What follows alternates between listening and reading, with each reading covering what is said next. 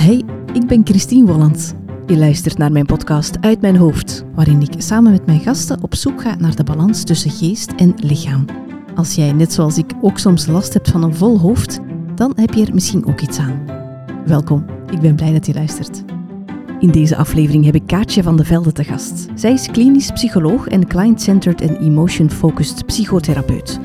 In haar praktijk Agapay geeft zij zowel individuele als groepstherapie en haar stokpaardjes zijn hoogbegaafdheid, trauma, gender en ook emoties en hun blokkades. En over die emoties ga ik het met haar vandaag hebben.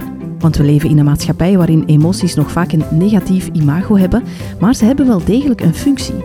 We hebben ze nodig zelfs. Maar tegelijkertijd zijn niet alle emoties helpend. Soms overspoelen ze ons of raken we er net door verdoofd. Wanneer wijzen emoties ons de weg en wanneer niet? Dag Kaatje, welkom in de podcast. Hallo, dag Christine. Ik ga meteen in ons favoriete onderwerp duiken. Hoe komt het dat emoties zo taboe zijn in onze maatschappij? Uh, goeie vraag. Uh, ik vraag mij dat ook wel soms af. Maar uh, ik, ja, ik denk dat heel veel mensen eigenlijk gewoon niet weten hoe ze met emoties moeten omgaan. Ik denk Mhm. dat dat echt vanuit een, een ongemak is, daar niet vertrouwd mee zijn. En misschien ook wel zo wat een erfenis van vorige generaties of zo. Zeker die generaties na de oorlog. Dat was zoiets van doordoen en, en niet te veel voelen, niet te veel stilstaan. Ze konden zich dat ook niet permitteren. Maar ja, onze ouders hebben het dan ook niet goed geleerd van onze grootouders. En wij hebben het dan ook niet zo heel goed geleerd van onze ouders. En ja, zo loopt het dan maar door of zo. Ik denk dat het ja, vandaar een soort taboe is of zo. Hoe die emoties, eh, wat Ja. moeten we ermee doen? Kennen we niet zo goed. Kennen we niet goed, weten we niet goed hoe dat we mee moeten omgaan. Ja, precies. Dus steken we dat maar eh, onder de mat. Ja, je kunt dat niet gebruiken. Dat, ja, er, er hangt toch zoiets van, eh, ratio is alles. En eh, oeh, laat u maar niet te veel door uw emoties beïnvloeden. Allee, gelukkig is die tendens aan het veranderen. Hè. Maar Ja. Het heeft zo'n beetje de reputatie van... Ja, of een slechte reputatie, hè, van het is zwak. Mhm. Ehm, de ratio is alles. mhm. En de emotie, dat hangt er zomaar wat aan. En dat is eigenlijk overbodig. Mm. Hè? Terwijl dat is zo essentieel. We hebben dat nodig. Hè. Ja. Je moet daar echt, allee, we moeten dat echt gaan gebruiken. Dat is een schat van informatie die je anders niet zou aanwenden. Dus dat is, eh, dat is te zot om dat, om dat niet te gaan gebruiken. Zo. Dat is echt... eh, Ja. ja. En dat is iets inderdaad waar we vandaag graag op zouden willen focussen. Hè? Ja. Op zo eh, te laten zien dat emoties niet alleen maar lastig zijn Mhm, mhm, en, en overbodig en Mhm. een last aan ons been, zeg maar. Maar dat ze ook wel echt hun nut hebben, hè? Hun, Ja. hun functie. Hè? Ja, precies. Waarom zijn emoties nuttig? Ja, we hebben it goes way back. Evolutionair gezien eh, hebben wij die emoties gekregen om van situaties gewoon razendsnel een inschatting te kunnen maken. Ehm, als je zou moeten nadenken, zou moeten afwegen, balanceren of dat nu een wijze beslissing is of niet. Allee, tegen dan zijn opgegeten door een tijger of zo. Je hebt die een tijd niet. Dus je hebt dat nodig, dat er een snel hersencircuit is, dat upla in, in een fractie van een seconde zegt van oh, u vertrouw ik, of oeh, gevaar, of uh, amai, back off. Hè. Ehm, dat, dat is eigenlijk wat emoties doen. Uh, dat zijn wegwijzers. En ja, daar, daar, daar moet je gewoon naar luisteren. Hadden, we dat niet gehad, dan uh, waren we het nu als menselijke soort misschien zelfs niet geweest. Ik weet dat dat nogal een sterke stelling is, maar uh, dat is zo. Dat helpt ons overleven. Dat zegt ons echt van hier uw aandacht op richten. Ja. Dus het heeft ja. echt een evolutionaire funccie. Hè? Precies. Ja. Um, het is een soort van snelroute of zo. Dus zo. we gaan het denken even omzeilen, want er is geen tijd. Hè, want je spreekt nu over een tijger. Ja. Dat is zo het, het voorbeeld dat heel vaak gebruikt wordt. Hè. Um, maar misschien iets meer uit het leven gegrepen. Mhm. Als je wilt oversteken en er komt een bus aan, Mhm. um, dan, dan heb je ook geen tijd om te denken van, zou ik nog nu opzij springen of zou ik beter Mhm. naar voren of naar rechts of naar links? Exact. Ja. Uh, die tijd is er niet en dus gaan de emoties, die zijn Ja. sneller en Ja. die gaan ervoor zorgen dat je schrikt, angstig bent en wegspringt. Ja, vo- volgt in je brein ook echt een snellere hersenroute. Hè. Dat is echt gewoon een korter circuit, dus dat is ook echt sneller. Walging ook. Hè. Als jij iets super degoutant ziet, in een reflex trekt je handen ook terug. Dat je dat niet gaat vastpakken of zo, hè. dat je niet besmet geraakt. Eh. Dat zit in zoveel dingen. Hè. Dat je geen ratten gaat aaien en, Ja, eh, en bijvoorbeeld. pakken. Ja, dat is. Ja, Ja. Dat, je, dat je lijf echt zegt, oh, back off. Ja. Dit is heel vies. Dit is gevaarlijk zonder dat je daar eerst je kennis voor moet beroepen. Ja, ja, ja, inderdaad. Oké, en dus ze hebben echt wel ehm, die functie. En dat, dat, daar staat je misschien zo vandaag niet meer bij stil, omdat er zo minder en minder van die echt levensbedreigende Mhm. situaties zijn. Hè. We leven niet meer in de broes. Ehm, Mhm. Maar de emoties zijn wel nog altijd even functioneel. Absoluut. En dat is eh, de hele tijd door is er eigenlijk een soort van onderstroom. Ook nu, jij zijn emoties aan het voelen, ik. Er, er zijn heel de tijd flowen wij van de ene emotie in de andere. Je hebt daar niet heel de tijd aandacht voor, hè, maar als je dan eens even incheckt, kunnen we wel voelen van, ah ja, er is een emotie en eigenlijk vertelt u die altijd iets. Mhm. Dus dat, dat, dat is super alledaags. Dat is nu en nu en zelfs en heel de tijd. Eh, zowel positieve negatieve, dat, een mix van dingen. Ja. Eh, ja, het is echt een stroom. Dat is mooi dat je dat zegt, want het is wel zo'n stroom waar dat, die dat we echt onderdrukken. Hè. zoiets, ja. Die is er en toch doen we eigenlijk met z'n allen zoals of dat, dat we geen emoties hebben. Hè. Ja, En zeker hè? zo op plaatsen waar dat je dan ietsje formeler moet zijn. Ja. We zijn allemaal stoïcijns. ja, terwijl eigenlijk, ja, je hebt die nodig, want dat gaat u iets vertellen over, ja, doe Ja. zo voort, of stop ermee, of die persoon is te vertrouwen of niet te vertrouwen, of Ja. Eh, al van dat, ook in uw super serieuze job, kun je Ja. dat eigenlijk aanwenden zo, hè? Ja. Mhm. Ja. En dan kun je denk ik ook de andere eh, kant ehm, hebben dat er te veel emoties Mhm. zijn of dat je te veel laat Mhm. overweldigen door emoties. Dat is ook niet echt functioneel, daar zullen we het straks zeker over hebben. Maar laten we ons misschien eerst eens zo'n een aantal emoties overlopen, ehm, waarvan dat mensen misschien denken van... eh, Tja, welke functie heeft dat dan? Want dat Yes. is toch niet echt een toffe emotie.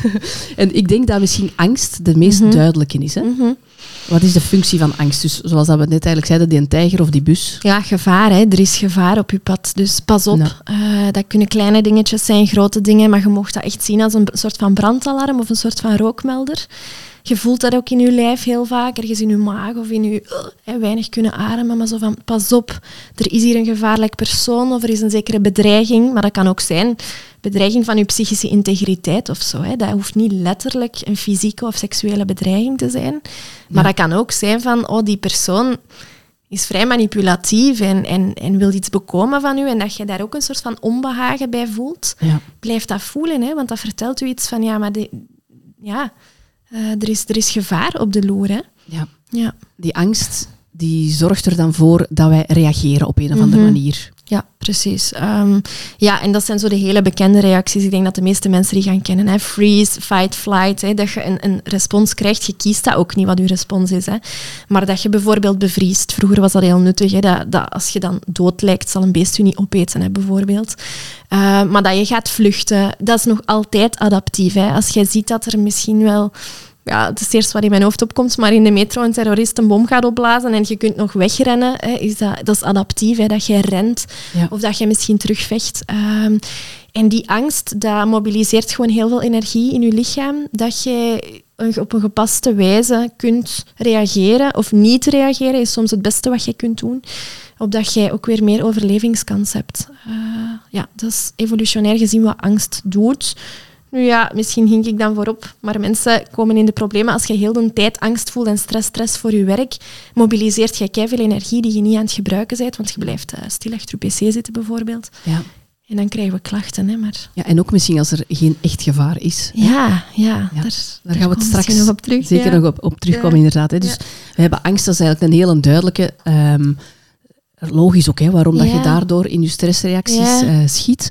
Ehm, maar bijvoorbeeld blijdschap Mhm. Heeft ook een functie. Absoluut, ja.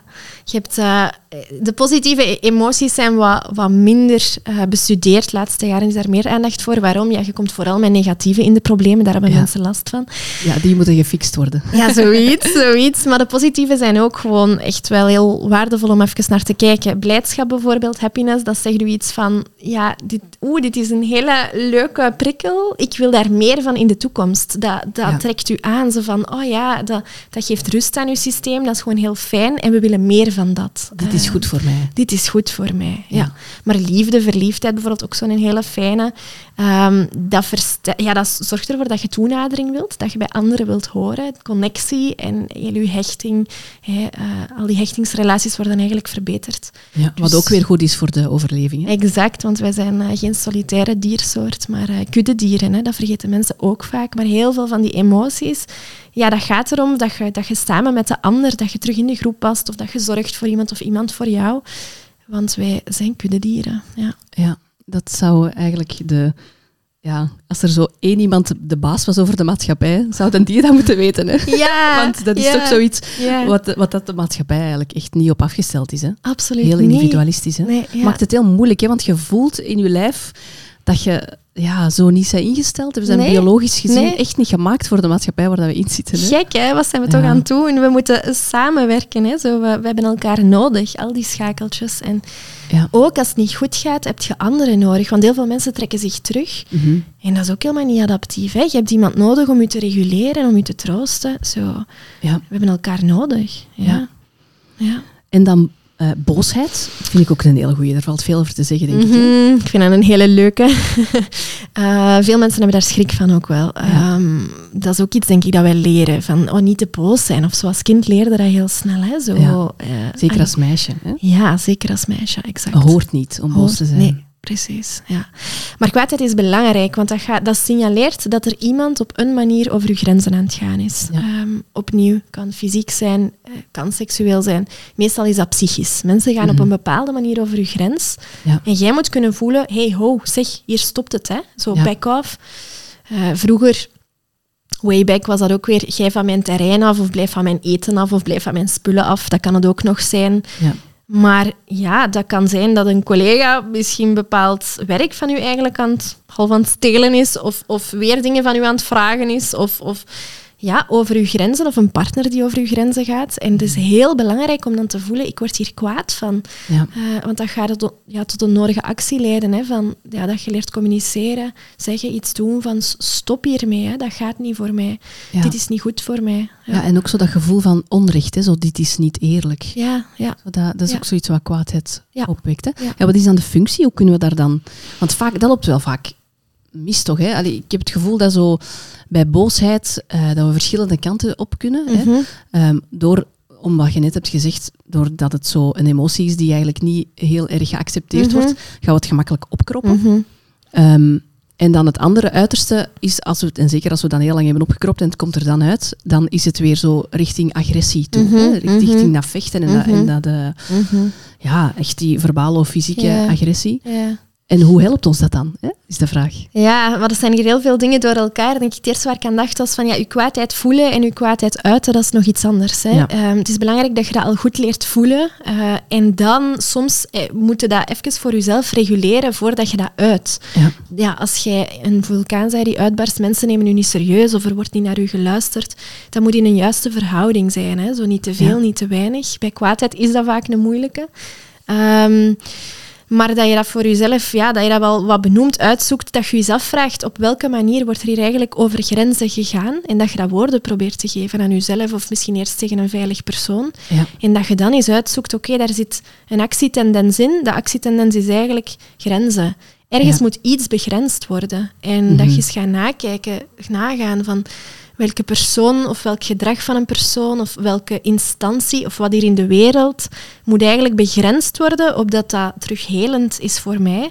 Ja. En daar, zit wel, allee, daar valt het goud te rapen, denk ik. Hè? Dat je Mhm. gaat nadenken, eh, wat, wat, wat voelt er hier echt niet oké? En hoe kunnen we een stapje zetten richting heling, namelijk dat er een soort van grens komt. Daar zit iets heel zorgzaam in. Hè? Ja. Ehm, wat ik zo mooi vind, is wat ik ooit iemand hoorde zeggen van kwaadheid is eigenlijk twee mensen die botsen, maar er zit verbinding in. Dat, dat in botsen komt...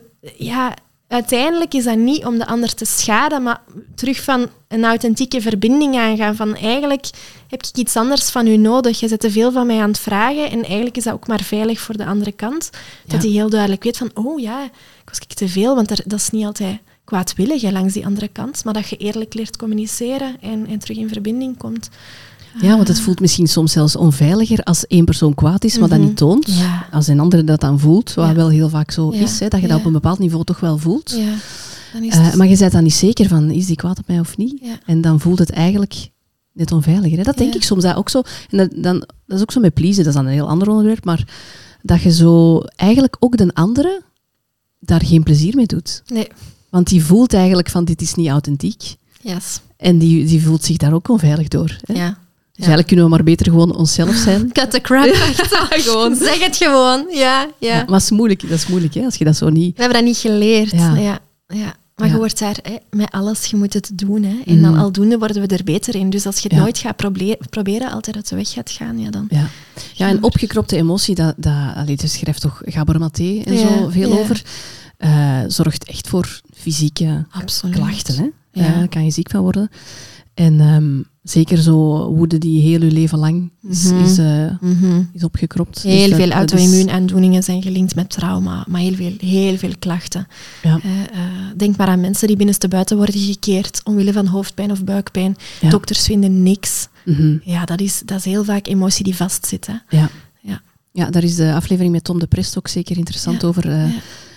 Ja. The Body Keeps the Score van Bessel van der Kolk is daarin. Traumasporen. Ook, maar, ja, maar- ook maar heel er- interessant. Ja, ja, Ja. het is echt dat ook eigenlijk. Ja, eh, en Gabor Maté heeft daar ook specifiek een boek over en dat heet When the Body Says, says No, Ja, Nederlands, wanneer het lichaam nee zegt. ja zoiets. zoiets. Het is allemaal zo wat een dezelfde titel. Ja, Die drie boeken Ja, zijn interessant daarover wel. Allee, voor mij wel echt een eye-opener. Ja. En eh, komt je het ook niet vaak tegen dat mensen die zo heel hun leven lang nooit boos zijn op mensen, Mhm, dat die dan in therapie gaan, mhm. hun stukken helen en dan plots heel veel boosheid voelen en dan zoiets hebben van, oh, wat is dit? wat moet ik hiermee? Absoluut. En de omgeving ook soms. Hè? Want Ja. dan, dan leren wij dat verbaliseren in therapie. Hè? Wat zijn Ja. stapjes en hoe kun je dat aangeven? En de omgeving weet gewoon niet waar ze het hebben. Hè? Van, hoe zeg. Maar eh, dat is keigoed. Hè? Die mensen zijn eh, aan het helen. Eh, Het ja. wordt zo even erger voordat het beter wordt. Ja, zoiets. Ja, ja. En in het begin zijn ze onbeholpen. Dat merk ik ook vaak. Cliënten hebben dat dan nooit geleerd. En dan zetten die zo stapjes. En dan, ja. dan gaan die wel uit de bocht of zo. Maar ik ben dan vooral heel fier van... Oh, je hebt je kwaadheid Toegelaten. toegelaten. Of je angst of je verdriet. Maar dan, Ja. die volumeknop mag soms wat terug naar beneden. Ze hebben dat dan eigenlijk... Dat heeft altijd toegestaan. Ze hebben dat vol een bak leren opendraaien. En dan moeten dat zo soms zo wat in het midden zetten. Ja. Dat de intensiteit eh, oké is voor Even afregelen, En nog leren afregelen. Ja. Dus boosheid is heel nuttig, is een Mhm. nuttige emotie voor wanneer dat je voelt van iemand gaat over mijn grenzen Mhm. of iets voelt oneerlijk aan en eh, je komt daarvoor in actie. Eh, alle grote revoluties zijn ook gestoeld op kwaadheid, hè, Mhm. eigenlijk. Godzijdank is er Ja, kwaadheid. het is echt nodig om verandering te brengen, ja, ja, en dat kan iets superklein zijn binnen uw gezin, maar inderdaad op grotere schaal ook. Hè. Revoluties. eh, Ja. Ja. Maar wat ik wel heb geleerd, ik denk vooral van ehm, Gordon Neufeld, Mhm. Die ontwikkelingspsycholoog, is dat als kwaadheid, hij heeft zo eh, ehm, een online cursus over agressie en daarin spreekt hij erover, over agressie dus, bij kinderen dan vooral. Mhm. Hè. Eh, maar eigenlijk loopt dat door mhm, in, eh, bij iedereen. Als de reden van je kwaadheid iets is wat je niet kunt veranderen, mhm. hè, want soms is dat zo, hè, dat je kwaad bent op iets Ja.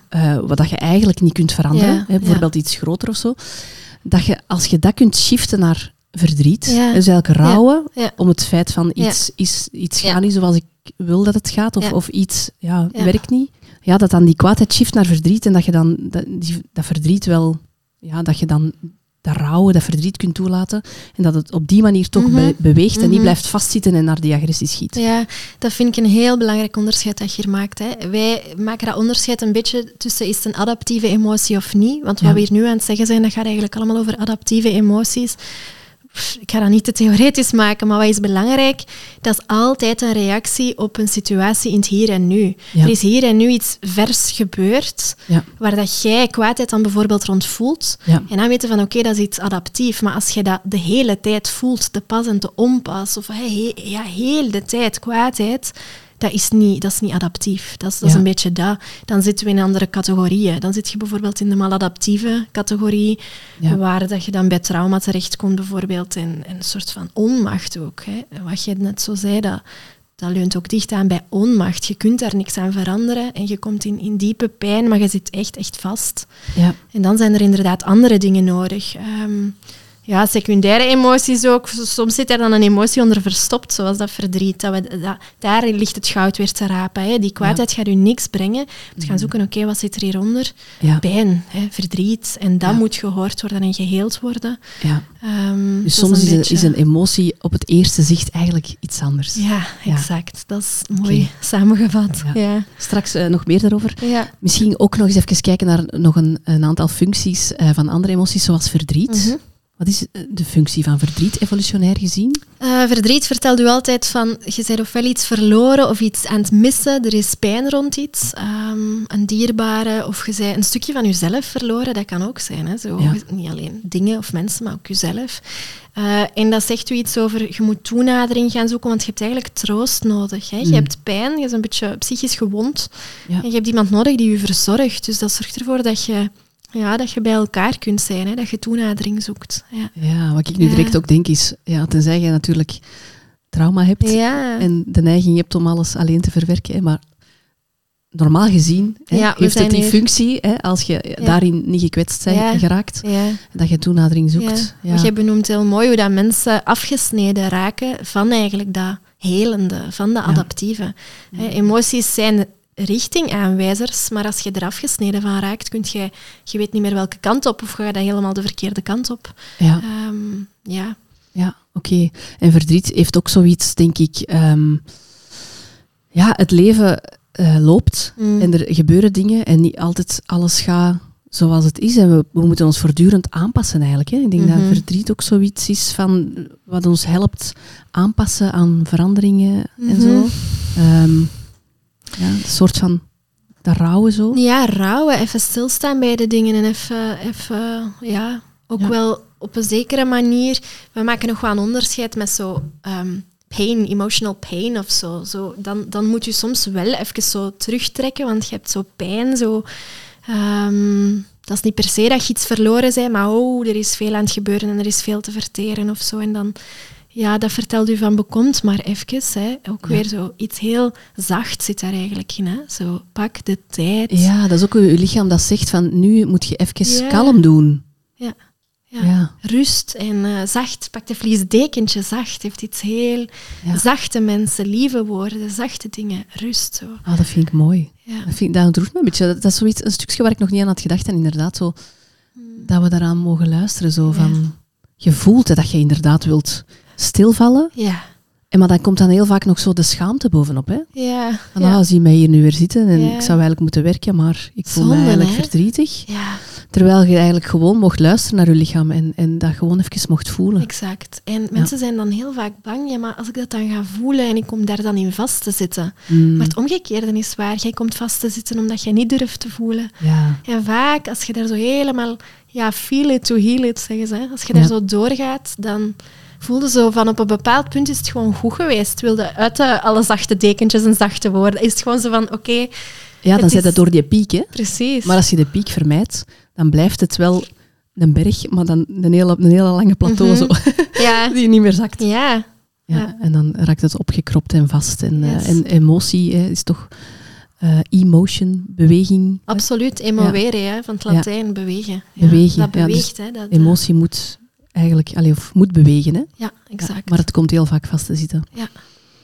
Uh, en dan walging hebben we het daar straks ook over hebben gehad. Hè. Mm is ook zo, uh, ik kende ook die film uh, Binnenste Buiten, heet hem denk ik? Inside Out, ja, Inside Out, schitterend. Ja. Ja, De EFT'ers hebben daaraan meegewerkt. Greenberg was een adviseur eigenlijk voor die ah, film. Echt? Ja, ah, emotietheorie wordt prachtig geïllustreerd in die film. Ja. Die emotietheorie, wat we hier aan het vertellen zijn, die, die mannetjes daar ook zo. En ja, weet niet of iedereen hem heeft gezien, wellicht niet, maar schitterend. Al die emoties zijn aan verschillende mannetjes. Verschillende kleuren. Ja. verschillende kleuren ook. dat is echt emotietheorie heel mooi geïllustreerd. En EFT is op die emotietheorie gestoeld. Uh, Les Greenberg, daar hebben we veel aan te danken. Maar walging, uh, dat, dat zegt u van, oh, er is hier iets giftig of toxisch. Letterlijk kan dat zijn van, hey, je pakt iets vast dat, dat niet meer goed is. Ja.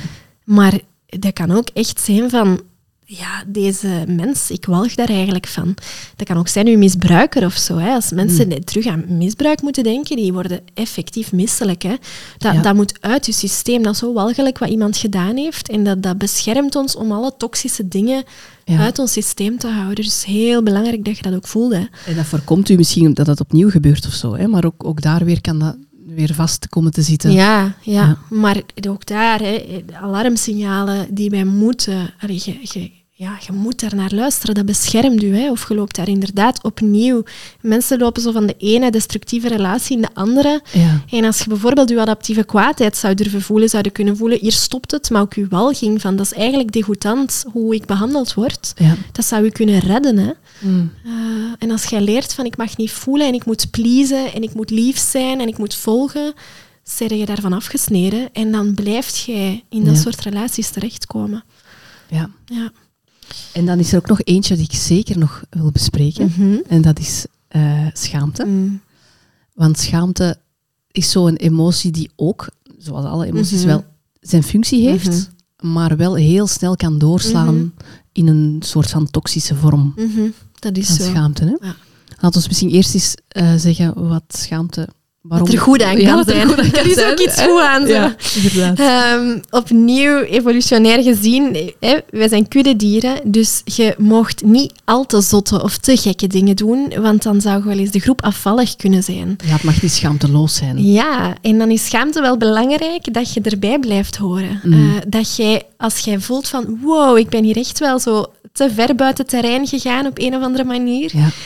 Dat jij jezelf terugfluit. Dat jij voelt van, oeh, ik, word echt, ik word hier rood van, dit is echt zo gênant. Ehm, omdat de groep eh, gaat dat ook waarderen en appreciëren. Ja. Dat je ook zelf inziet van, ja, dit, dit is niet volgens onze regels en volgens ons doen. Eh, Oké, je mocht nog, je hebt er spijt van of hè, Ja. eh, je, je schaamt u ervoor. Ja. Je, je mocht er terug bij zo. Ja. ja, de gezonde vorm van schaamte zorgt ervoor dat we niet over andermans grenzen gaan, Mhm, eigenlijk. mhm, Hè? mhm. Ja, en dat ligt dicht bij schuld. Hè. Ja. Als je, het is goed om je schuldig te voelen als je echt fouten maakt. Hè. Dan kunnen banden terug hersteld worden, bijvoorbeeld. Eh, dat zorgt weer voor extra connectie. Ja. Eh, maar schaamte en schuld, doorgaans eh, voelen mensen veel te veel schaamte of veel te veel schuld. Ja, het wordt een probleem als... eh, Ik zeg altijd dat, dat schuld vooral te maken heeft met verantwoordelijkheid. Het is iets... Mm. Ja, ik ben Mm. schuldig aan iets. Mm. En dat schaamte heel vaak zich gaat situeren op je ja, zelfbeeld. Hè? Mhm, Dat je mhm, je er- ermee identificeert van ik ben wat ik heb verkeerd Mhm. gedaan. Zo. mhm. En dat je dan op den duur echt het gevoel krijgt van ik ben eigenlijk gewoon niet oké. Dus in plaats van wat ik, wat ik doe is niet oké, ik ben niet oké. Mhm.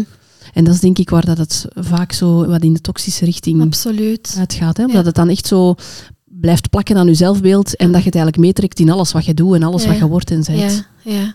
En door schaamte keert je ook wat naar binnen. Je, je, ja, je onthecht je ook een beetje. Of je, dus dat, dat, dat isoleert je. Dat het, als je heel de tijd schaamte hebt, dat heeft een, dat, je komt op een vrij eenzame positie binnen in jezelf.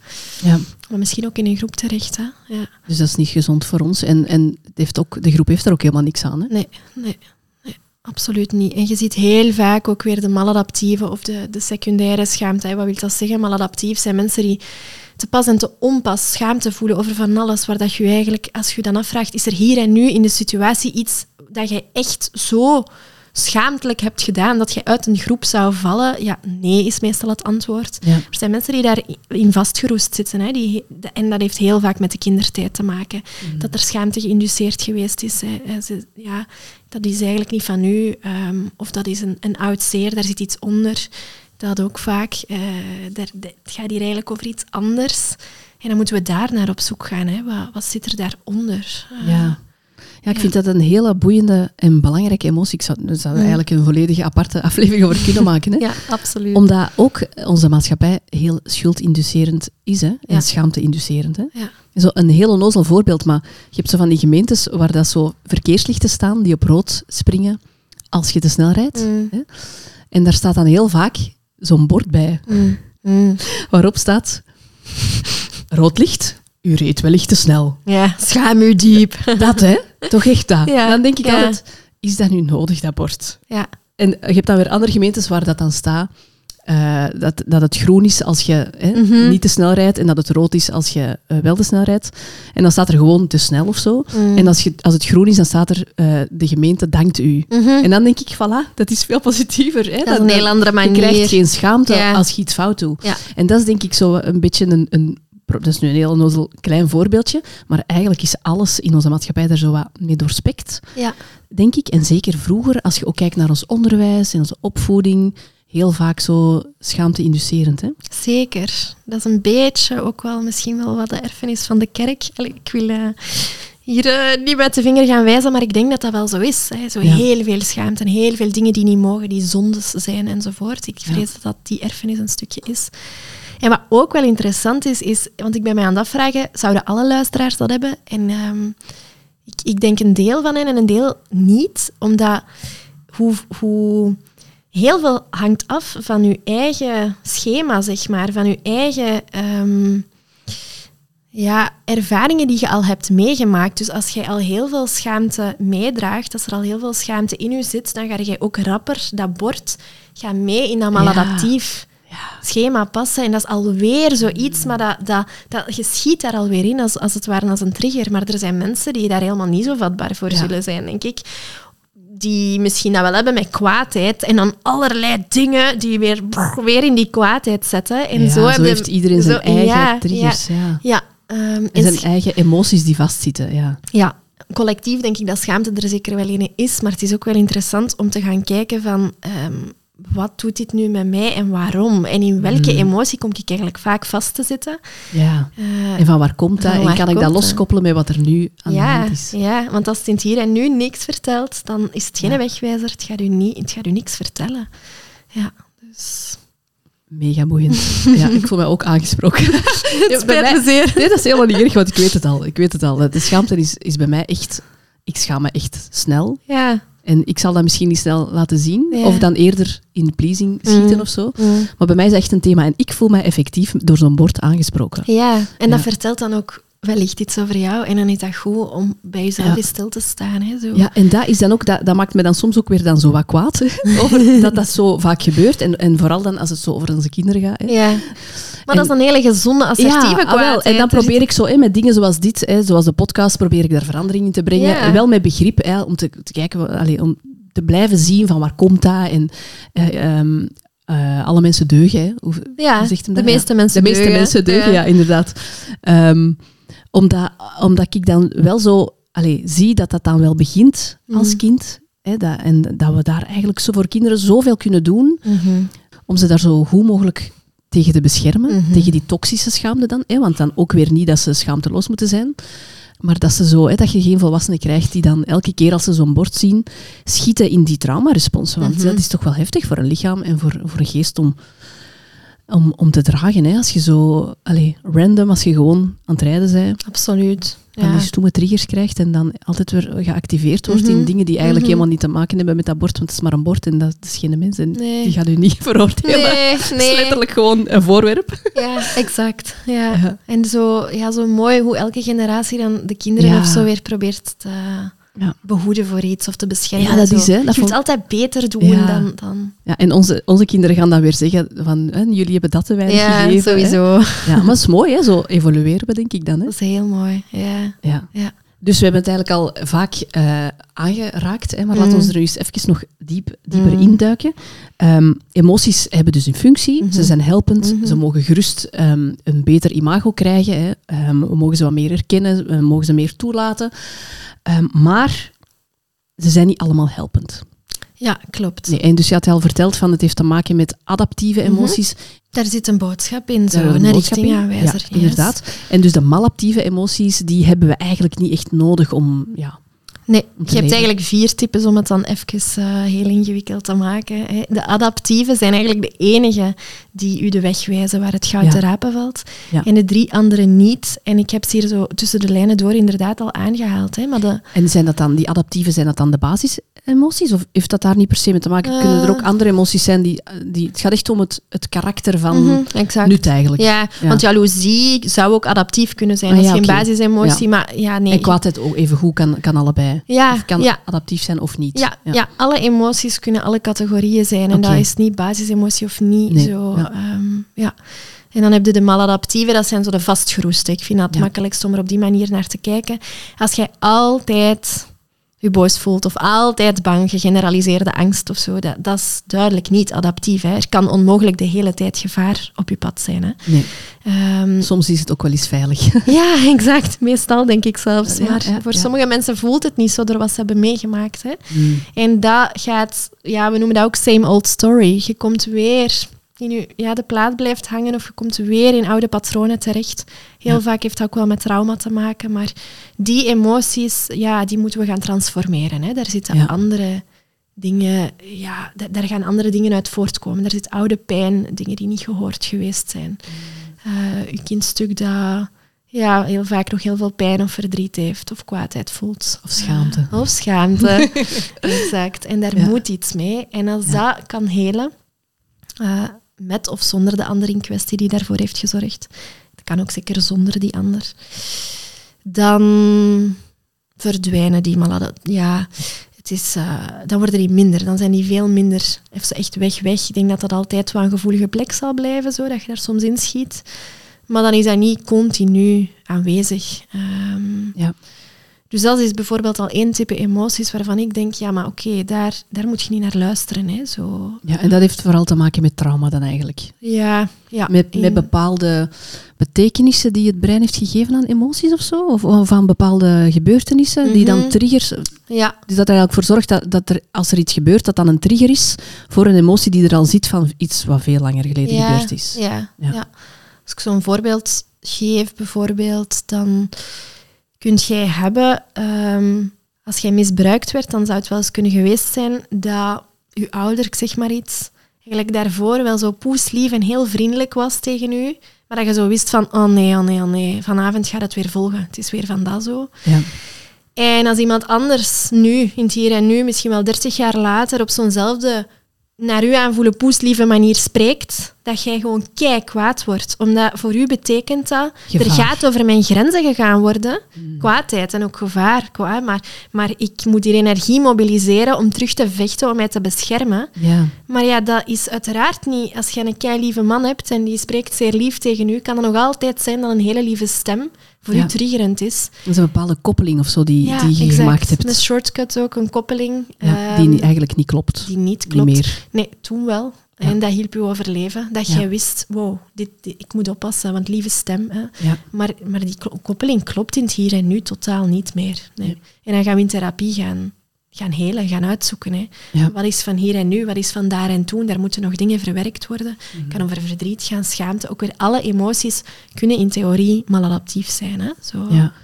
ehm, Oké, en ze- waren er nog categorieën dan? Want je zei, Ja. er zijn er vier, hè? Dus we hebben er twee gehad. Ja, dan heb je nog de secundaire emoties. Dat Ja. zijn emoties. Op het eerste zicht lijkt dat dan de betreffende emotie in kwestie te zijn, maar daar zit iets anders onder verstopt. Hmm. En het is dat wat er onder verstopt zit, dat de richtingaanwijzer is. Daar zit het adaptieve. Ja, zoals dat, dat je boos bent, maar eigenlijk zijn ze verdrietig. exact dat. Ja. Ja. Omdat het verdriet misschien te kwetsbaar voelt om te tonen. Ja, of omdat jij ook weer geleerd hebt thuis. Hè. Allee, veeg je tranen, daar gaan we toch niet voor wenen. Hmm. Je hebt al geleerd te verstoppen met iets anders. Ehm, en dat wordt wel heel verwarrend. Hè? Want als je bijvoorbeeld verdriet gaat verstoppen met kwaadheid, ja, als je naar die actietendensen gaat gaan kijken die daarin vervat zitten, verdriet, dat is, ik heb steun nodig, troost nodig, kom dichter bij mij, want ik wil Ah, getroost ja, ja. worden. En je duwt net En weg. kwaadheid is back off, maar dan krijg je wel het omgekeerde van wat je nodig hebt. Dus dat is eigenlijk heel, ook wel tragisch, Ja. eh, vaak. Die, Ik denk dat dat vaak, dat heb ik zo toch begrepen van Gordon Neufeld, dat dat bij kinderen vaak zo het geval is. Kinderen die agressief zijn, Mhm. dat, dat, dat er vaak eigenlijk verdriet onder zit. Ja, ja. En dingen die ze al anders geleerd Frustratie hebben ook, hè? Ja. Ja. ook. Ja. En we leren veel, niet alleen door wat er ons gezegd wordt, maar wat wij zien gebeuren. Hè. Als wij zien dat onze ouders niet goed gereguleerd zijn, of als zij kwaad worden, maar misschien zijn ze wel verdrietig, we pakken dat over. Hè. Ja. Ehm, het kan wel zijn dat je andere dingen zegt, maar het meeste is vooral wat je doet. Hè. ja, waar had ik dat nu gehoord? Het was, het was denk ik een gesprek tussen uh, Gabor Maté en Peter Levine, uh, dat ik aan het beluisteren was, waarin dat ze zeiden dat we zo heel gefocust zijn op taal, maar dat we vergeten dat wij eigenlijk, ja, dat dat maar een klein stukje is van wie wij zijn en dat ook onze lichaamstaal en, of misschien was uh, Steven Porges, dat kan ook. Een van die wijze Anyway, mannen ja. die belangrijke dingen doen rond lichaam. Ja, dat we zo heel erg gefocust zijn op taal, maar dat er ook heel veel, veel van ons is, zoals lichaamstaal en, Mhm. en, en ja, andere dingen die we uitzenden en zelfs zenuwstelselsignalen of wat is het allemaal. Alles. Ja. En, en dat het zo soms, ja, Taal is een fractie Ja. en een verarming, altijd per definitie. ja. Ja. Ja, en dus inderdaad, als je als ouder iets anders zegt Ja. dan dat je voelt, dan kan dat eigenlijk voor een kind ook weer, zoals dat we daarnet ook Mm. hadden gezegd, over dat pleasen Mm, en, dat, mm. en dat kwaad zijn en dat dan Mm. in, wegstoppen, dat dat dan misschien eigenlijk net een, een verwarrend signaal geeft. Mhm. Mm. En een soort van, eh, als ouder modelleert je altijd, hè, of je dat nu wilt of niet, maar dat kind leert zo van, ah ja, dit is hoe we dat dan doen, of zo. Ja. Ja. Ja, Dus dat was die categorie. ja dat er iets verstopt zit. Ja. En dan is het gewoon Onder een andere emotie dus Ja, eigenlijk. Hè? en, en daar is het ook weer hè, zo van, vind jij niet wat er in het hier en nu tot die emotie leidt? Dus je bent kwaad, maar er is niet over je grenzen gegaan, ja, dan, dan oké, zit er misschien iets anders onder. Ah ja, verdriet. Ah ja, oké, er was wel allee, in het Ja. hier en nu iets dat mij eigenlijk verdrietig maakt. Dus als je het in het hier en nu niet vindt, zit je in een van die andere categorieën. Ja. En kan het ook zijn dat er geen andere emotie onder zit, maar een behoefte of zo? Of Ja. nog... Maar dan, dat is semantiek of zo. Want Ah, ja. emotie, wij spreken van een emotion scheme eigenlijk. En Ja. daarin, behoefte eh, is een onderdeel daarvan of zo. Oké, dus allemaal eigenlijk één pot nat. Hè? pot nat, maar inderdaad. dat- Maak daar zit een. Nee, ja, voilà, voor, voor hier en nu misschien niet, Ja. maar daar zit dan een behoefte. Ja, wat zit daaronder zijn. eigenlijk gewoon? Hè? Ja, wat zit daaronder? Oké. En dan die vierde categorie? Ja, dat is, dat is zo wat apart, vind ik. Dat zijn instrumentele emoties. Die zijn niet authentiek. Die zijn een beetje fake. Eh, dat kan zijn dat de emotie wel klopt. Mhm. Dat jij kwaadheid voelt, maar dat je die misschien maar heel licht voelt. Lichte irritatie. Maar dat je moedwillig je volumeknop gaat opendraaien en je veel kwader, veel farser gaat voordoen dan, dat je zijt, om iets te bekomen van de ander. Het is iets een beetje manipulatief. Krokodillentranen is ook zo'n Ja. hele gekende. Misschien heeft het u een beetje gekwetst, maar niet dat het als een verlies of zeer pijnlijke ervaring voelt. Ja. Maar dat je denkt, ja, ik ga de discussie hier nu wel halen als ik volle bak de sluizen openzet en eh, al, mijn ver- al mijn tranen eruit laat komen, ga ik misschien wel gehoord worden. ja, dus er zit ook wel weer iets Er onder. zit iets onder, sowieso. Maar da- daar, ja, dat is ook geen goede wegwijzer. Dan moeten we ook weer gaan kijken, oké, wat is hier... Waar gaat dit om? Wat heb je eigenlijk nodig van die ander? Of, of eh, hoe wilt jij gehoord worden? En dat kan echt wel op andere manieren dan eigenlijk een ander manipulatief voor je kar spannen of zo. Hè. Dat, Ja. dat is niet authentiek. Een soort van laatste stuiptrekking, zo, om eigenlijk te krijgen wat je nodig hebt. Ja, ja. Triest eigenlijk ook wel, ja, als je dat zo zegt. Ehm, en dan denk ik, ja, daar, daar communiceert je echt iets heel belangrijk mee. Maar laten we naar dat gaan kijken. Niet de manier Ja. waarop je dat aan het doen bent, want daar zit iets een beetje lelijk aan.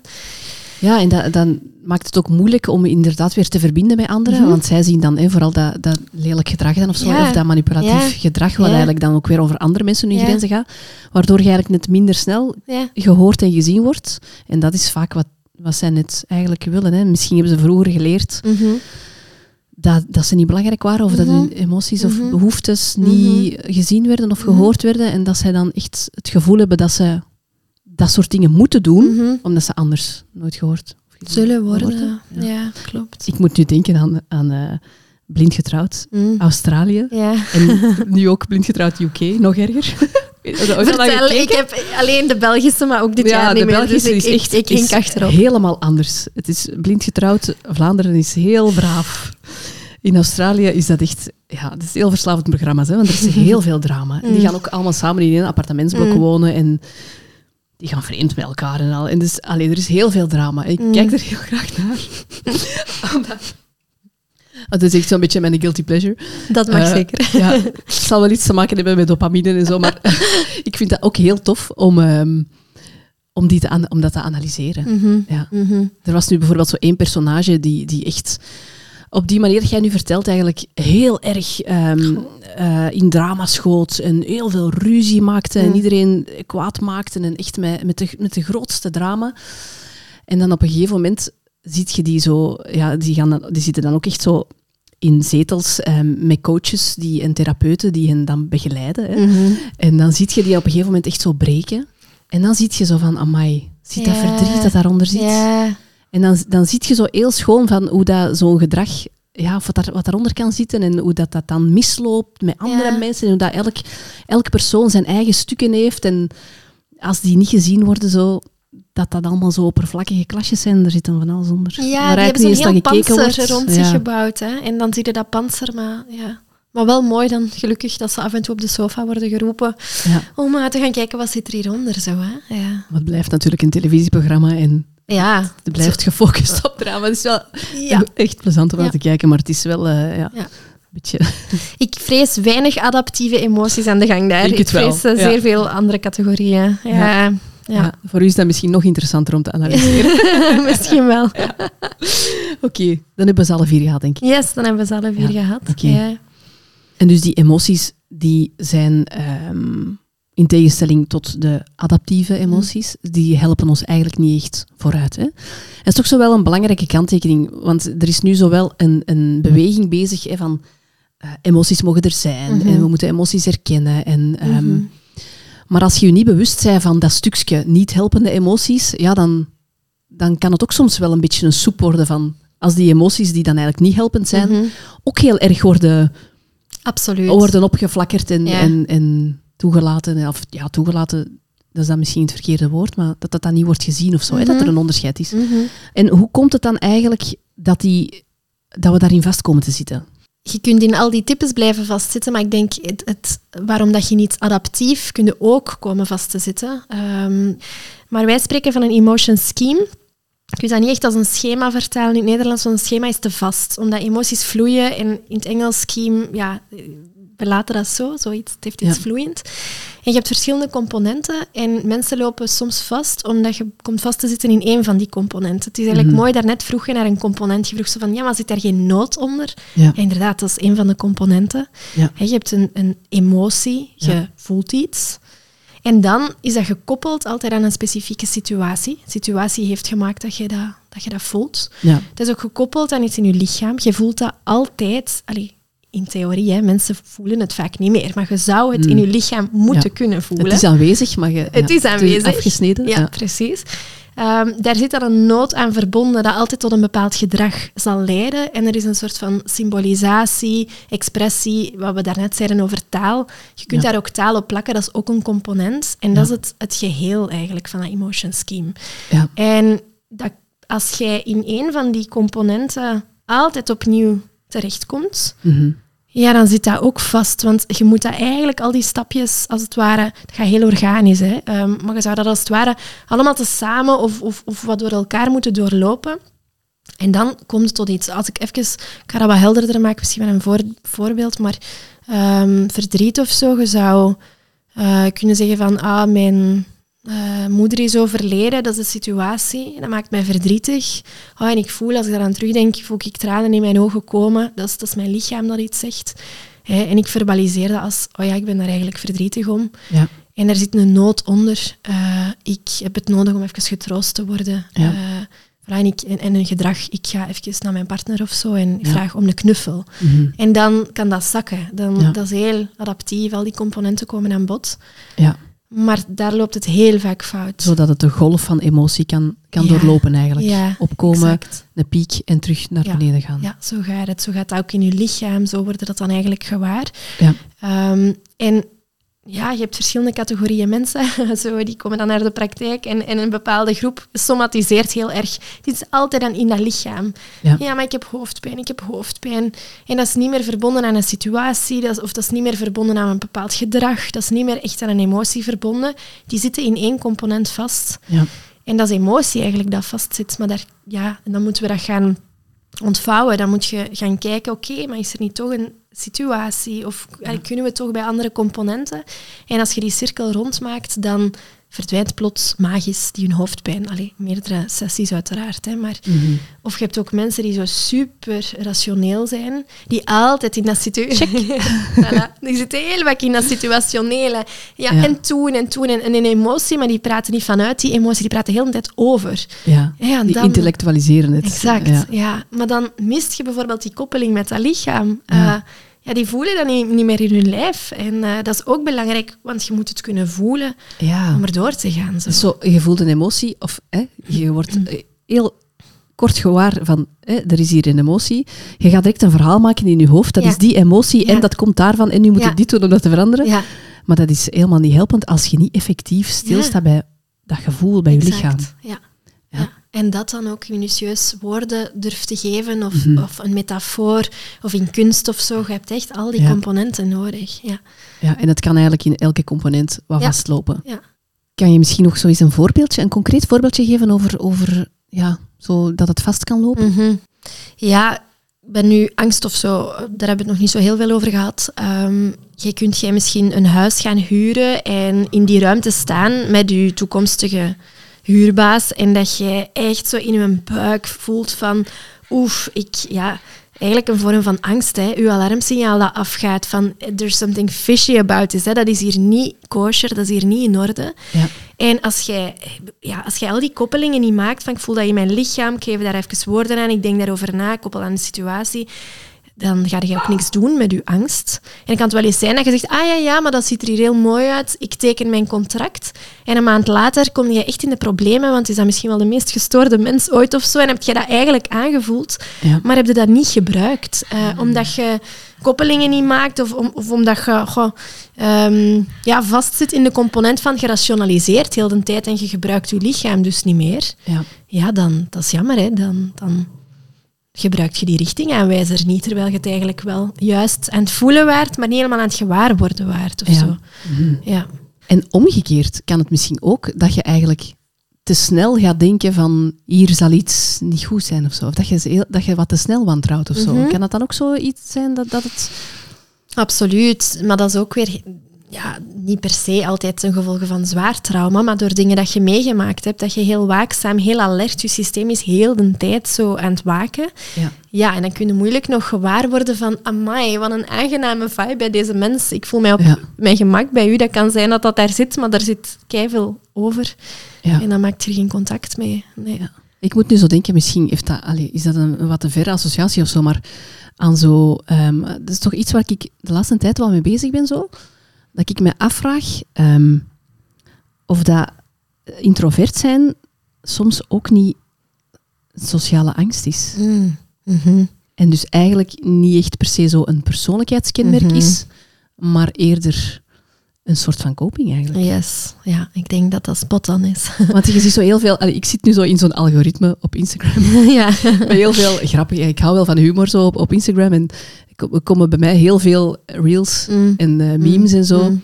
Over introvert, ik moet er altijd heel hard mee lachen. Mm. En ik herken mij daar wel in en ik zou mij denk ik ook als introvert beschrijven. Maar ik kan ook wel extravert zijn. Maar nu begin ik mij dat zo soms af te vragen of dat dat niet gewoon, ja, of dat ik eigenlijk wel echt een introvert ben. Ja, en zo het ene is zo bijna introvert, ja, dat is een persoonlijkheidskenmerk, temperament, zo word je geboren. Dat is zo bijna nature-nurture, zou je afvragen. Hè. En, en dat andere is iets aangeleerd. Ah, wel, exact. En, en ik denk dat het soms, dat het misschien vaak over elkaar heen mhm, loopt. Ook. En dat het dan ook wel gemakkelijk zo een soort van dekmantel wordt. Zo van, ah ja, maar ik ben gewoon een introvert, dus ik wil geen mhm. sociale contacten. Mhm. En waarom het mij zo bezighoudt, is ook omdat, omdat ik nu zo ook leer met de polyvagaaltheorie en zo, hoe belangrijk dat het is dat wij die connecties maken. Ja. En dat wij ook... Ehm, ja, toch echt wel die co-regulatie opzoeken, omdat we dat echt voor onze gezondheid, mentaal, maar zelfs fysiek dus, dat dat echt nodig is. En ja, dat dat dan zo soms wat botst met, met zo'n idee van, ja, maar ik heb daar geen behoefte aan, want ik ben een introvert. Ja. Maar ja, is dat wel zo? Hè? Ja. En moet ik niet misschien gewoon wat dingen helen? Of, hè? Ja, en in deze taal, hoe adaptief is dat wat jij voelt? Ja, Zit er iets anders onder verstopt? Of, of is het iets maladaptief? Exact, ja. Ja, en je had dus ook al benoemd, zo, hè, um, er zijn mensen die te veel voelen, mm -hmm, maar er zijn ook mensen die te weinig voelen. Ja, ja. en beiden is natuurlijk problematisch. Niet handig. Uh, nee, niet handig. Ik vind dat weer die volumeknop. Je geluid moet niet helemaal toe zijn en het moet ook niet echt schreeuwend zijn. Het moet iets tussenin zijn. Zo. Ja. Um, dat concept van window of tolerance is denk ik uh, hopelijk intussen heel veel mensen wel bekend. Hè. Een optimum waar, dat je, waar dat je qua arousal en qua emotie je in bevindt. Hè. Het stressraampje. Ja, ja. Als het te veel stress geeft, schiet je uit het raam. En als het comfortabel is, dan zit je in het raam. En door veerkracht op te bouwen, maakt je raam groter. Yes, ja. En je emoties moeten ergens in dat raampje uh, ja. eigenlijk En als ze te overweldigend zijn, dan kan het ervoor zorgen dat je ze niet meer gaat voelen. Ja, ja dat het, dat, wat ik zo, een van onze grondleggers zegt dat eigenlijk, van je kunt de soep niet meer proeven als je heel je hoofd in die kom steekt. Ik vind dat echt schitterend. Maar ook natuurlijk niet als je drie meter van je soepkom gaat staan, ook niet. Je moet gewoon een lepeltje pakken en eens even nippen en proeven. Je kunt wat grotere happen nemen ook, maar steek niet heel je hoofd daarin. Want je weet gewoon niet, je verdrinkt, je weet niet meer welke soep dat, dat is. En uh, dat is heel veel werk in therapie ook wel. Um, allee, buiten therapie ook. Maar zo vind een juiste afstand tot je emoties. Er niet mee samenvallen. Want dan weet je, je weet niet meer wat, wat het is. Um, En als je helemaal afgesneden bent van je gevoel of je verdooft jezelf, ja. ja weet je het ook niet meer. Hè? Um, dan kan het u absoluut niet de weg wijzen. Zo. Ja. Nee, en daar zie ik dan zo ook weer dat stukje maatschappelijk probleem in of zo, of wat er dan moet mm. gebeuren. Op, mm. hè, want je kunt individueel wel therapie volgen mm. en zo. En, de, en ervoor zorgen dat je met je emoties aan de slag gaat en dat je voor je kinderen mm-hmm. probeert hè, die emoties te mm-hmm. erkennen.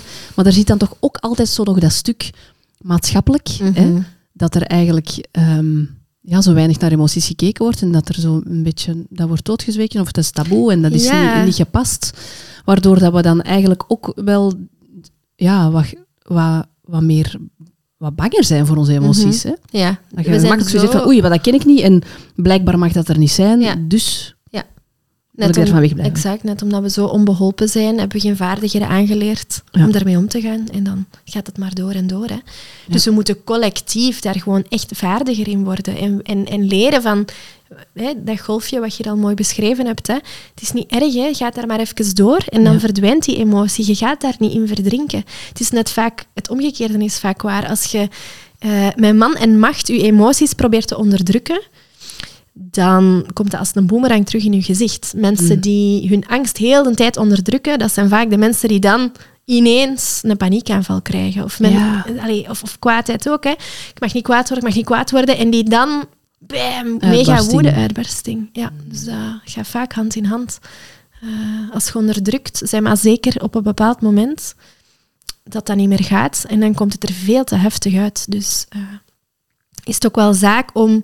Je moet niet heel de tijd mega gereguleerd zijn, daar gaat dat niet om. Maar je moet ergens in dat venster proberen te raken om ook te kunnen gebruik maken van, van het goud dat in die emotie zit. Hè. Ja. ja. En hoe vind je dan een goede afstand tot je emoties? Hè? Dus, want je mocht, ja, moet ervoor zorgen dat je er niet door overspoeld mhm. geraakt, want dan is het ook niet echt eh, mhm. heel helpend. Maar het is ook niet helpend als je helemaal ervoor verdooft. Mhm. Dus hoe kunnen we dat aanpakken hè, om die balans te vinden? Ja, ik denk dat dat, dat is een stukje persoonsafhankelijk ook, wat werkt en wat niet werkt. Uh, maar ik denk dat dat wel belangrijk is dat je voor jezelf een soort van handleiding wel opbouwt. Dat je weet, ah, deze dingen werken voor mij. Maar zo wat voorbeelden. Um, als jij te veel voelt en overspoeld geraakt, um, kan het helpen om ja, daar zijn we weer met de co-regulatie, maar naar een ander te gaan. Hè. Vraag de nabijheid van een ander. Hè. Een knuffel of dat iemand even uw handen of uw voeten masseert. Uh, dat helpt heel hard. Denk maar aan een babytje ook. Als een babytje heel hard huilt, wat ga je doen? Je gaat die oppakken. Hè. Mhm. Uh, je gaat hummen, je gaat zoeten, je gaat misschien melk geven, zo warmte. Dat zijn dingen die je zenuwstelsel terug doen kalmeren. Um, dat kan ook zijn wat zintuigelijke input aan jezelf geven die heel aangenaam is. Dus dat kan zijn van Ga onder een douche staan met de lievelingsgeur van je shampoo en probeer dat zo in het moment mogelijk te doen. Je voelt dat warme water over je lichaam stromen, dat is heel tactiel. Je ruikt die shampoo, heel olfactorisch. En je gaat zo al je zintuigen eigenlijk gaan aanspreken ja. op een aangename manier om terug te zoeten, om terug kalmer te worden. Ja. Ehm, handen wassen onder water. Als je helemaal een angstaanval of zo krijgt, zo mm. koud water en even je handen onder de kraan. Of naar buiten, frisse lucht. Ja. Uh, dingen opschrijven. Ehm, zo, ik, heb zo'n oefening dat ik, dat soms aan mijn kindjes geef, dat ze moeten uh, iets zeggen dat ze zien, iets zeggen dat ze horen, iets dat ze proeven, iets dat ze ruiken. En voelen, tactiel. Ja. ja. dat doe ik in therapie aan het einde van sessies ook vaak. Dat brengt u echt in het nu en, en dat kalmeert het zenuwstelsel. Absoluut. Ja, je geeft je brein ook input van, kijk, maar kijk eens rond u hier en nu. Hier is nu geen gevaar, hè? want je ziet je plant staan en zo, je ziet dit, dit, je ruikt dat, het is oké. Okay. Ja. Um, want tegen jezelf zeggen, het is oké, het is oké, dat is zo super rationeel. Is, zo werkt dat niet. Nee. Maar als je lijf kan gewaar worden met alle zintuigen, oh ja, het is oké, dan kalmeert dat ook weer. Hè? Ja, en dat helpt ook heel goed met je hoofd te komen. Als je zo te mhm. veel aan het nadenken bent en je kunt niet slapen of zo. Absoluut. Is dat ook... Uh... Ademhaling. Mhm. Rustig ademen. Uh, zo lang mogelijk uit, korte in uh, ademhaling. Omdat als je angstig ook weer bent of overspoeld wordt, hebben wij de neiging om zo heel kort, heel oppervlakkig te ademen. Ja. Dan pakt je heel veel zuurstof binnen. Maar mhm. lang uitademen, zo kort in. Ja. Helpt ook. Ja, al van dat eigenlijk. En het omgekeerde, ehm, dat is vaak nog hardnekkiger, vind ik. Mensen die niet voelen en die dat echt... is veel moeilijker. Ja, een mens dat 30 jaar niks gevoeld heeft en van beton is, dat is echt wel Daar, niet zit, zo... daar schuilt, schuilt zo'n soort van koppigheid in. Ook, ja. En, en, en angst denk ik ook. Hè. Ah, wel, ja, een koppigheid zo. vanuit, ik eh, ben hier om u te beschermen en Ja. ik ga dat niet zomaar Ga niet afgeven. wijken. Zo, Ja. ja. Ehm, maar dat is ook wel belangrijk, denk ik, dat, je, dat, die, dat die mensen ook contact krijgen. En dat kan door helemaal op jezelf, misschien als dat veilig is, wat dingen op te schrijven. Hè, zo. Dat is dan die rationele ingangspoort, maar dat je toch wat contact begint te krijgen met ja, waarom ben ik eigenlijk kwaad? En misschien als schrijvende komt het, of waarom ben ik verdrietig? Ja. Ehm, praten met iemand anders, maar vaak is dat ook niet zo makkelijk. Hè. Maar dat kan ook zijn een film of een muziekstuk waarvan je voelt, als ik dat opzet, maar dan ga ik wenen, wenen, wenen. Ja, dat is goed. Hè. Dan zeiden, ja, in het begin zeiden voor die film aan het wenen, maar al gauw Ja. zeiden ook voor alle andere dingen aan het huilen. Ehm, dat kan een manier zijn om contact te maken. Ja. Ehm, focusing, dat is En kun je daar dan ook in jezelf in verliezen, zodat als je in zo'n huilbui, dat je, is dat altijd ontladend? Nee. Eh, dat is niet altijd ontladend. Dat kan ook heel onveilig worden of heel onveilig voelen. Zeker als je dat niet gewend bent, eigenlijk. Dan, dat zijn de mensen die dan ineens... Ja, die stonden drie meter van die soepkom en dan steken die ineens heel hun hoofd daarin. Ja. Eh, of niet uw teen in het zwembad, maar er gewoon induiken. En En als dan wordt het te overweldigend. ja, ja. Ja, en voor dat soort mensen die zo lang niet gevoeld hebben, als dat zo hardnekkig is, dan denk ik ook, oeh, dat zou ik niet op uw eentje doen. Ja. Ga naar therapie. Ja. Eh, alsjeblieft, hè, zo, schaam je niet, doe daar iets aan. Ik vind het leuk, steeds meer mannen komen naar therapie, want ja, het is misschien wat kort door de bocht, maar die hebben heel vaak geleerd, ik mag niet voelen. Ja, die, moet, die, die- ja, die mocht dan helemaal niet kwetsbaar nee, zijn. Nee. Ja. En eh, wel fijn dat die doelgroep lijkt steeds meer naar therapie te komen. En je hebt gewoon een regulerend ander nodig dan om je helpen er naartoe te gaan, maar op Ja. zo'n manier dat je niet overspoeld raakt. Tegelijk, die mensen die hebben dan al jaren coping op zak, waarmee ze voelen, ah, maar zo snijd ik mijn gevoel af. Eh, Als Mhm. ik dit of dat doe, kan ook zijn als ik mijn pint pak, dan is het weer, weer weg of zo, kan ook. Hè. Mhm. En die mensen zijn daar wel vrij vaardig in om als de emotie heel fel wordt, het gewoon weer af te snijden. Zo. Ja. Ehm, maar ja, dat, dat is dan niet een helend proces. Hè. Zo, daar is dan echt wel wat begeleiding in nodig. En Ja. daar moet je dan ook niet voor schamen. Ik denk, ja, je hebt het nooit geleerd. Hoe leren we dat hier? Ehm, je leert dat van je ouders eigenlijk, hè, van, je, van, van je primaire hechtingsfiguren, leerkrachten, eh, zusjes, broers. Alleen zo mensen rondom u leren u reguleren. Maar als je dat niet hebt gehad, Ja. ja, dan kun je dat niet. Eh, en dan zal daar iemand nodig zijn op latere leeftijd die u dat helpt hè, Ja. te reguleren. En dan is elk klein stukje dat je vooruit gaat ook Ja. al weer een Ja. win. Hè? Ja, absoluut. Als je dan toch af en toe eens naar die kopingsmechanismes teruggrijpt, is dat ook dan weer geen reden om je gefaald te voelen of zo. Hè? Want Nee, dat soms is het u. gewoon, dat vind ik ook zo'n zo een heel helpende gedachte, dat, ja, dat alles wat je brein doet, is, is eigenlijk om je te helpen. Mhm. Ja, mooi hè, om u destijds te helpen overleven. En het is misschien niet meer zo aangepast, maar het is wel echt om u te helpen. Ja, het voelt van dit is nog te veel voor u, dus Ja. we gaan dit nu even niet doen. Ja, shut down of, of ja. En je hebt dan hulp no- nodig eigenlijk om dan heel traag Ja. ervoor te zorgen dat het altijd weer een beetje Ja. meer, meer lukt. Ja. En dat kan dan vooral in correlatie. Maar het is, ook dat stukje is soms net moeilijk hè, voor mensen die, die het moeilijk vinden om, om hun kwetsbaarheid te tonen bij iemand Mhm. anders. Net omdat ze het Mhm. gevoel hebben dat, Mhm. dat dat stukje van zichzelf er niet mag zijn. Mooi en is dan dat dat bijvoorbeeld soms bij een dier of zo wel kan. Hè? Dan denk Ja. ik, oh, neem u een hond of neem u een kat. En dan zie je zo van, oh, dat doet iets, dat, dat Ja. rondluikt iets. Of een kleinkind of zo dat geboren wordt. En dan, Ja, dat je zo is- ziet, bij hun kinderen konden ze dat nog niet, maar nu, dat, dat doet iets. Zo, als je dan... Je moet niet allemaal naar therapie komen.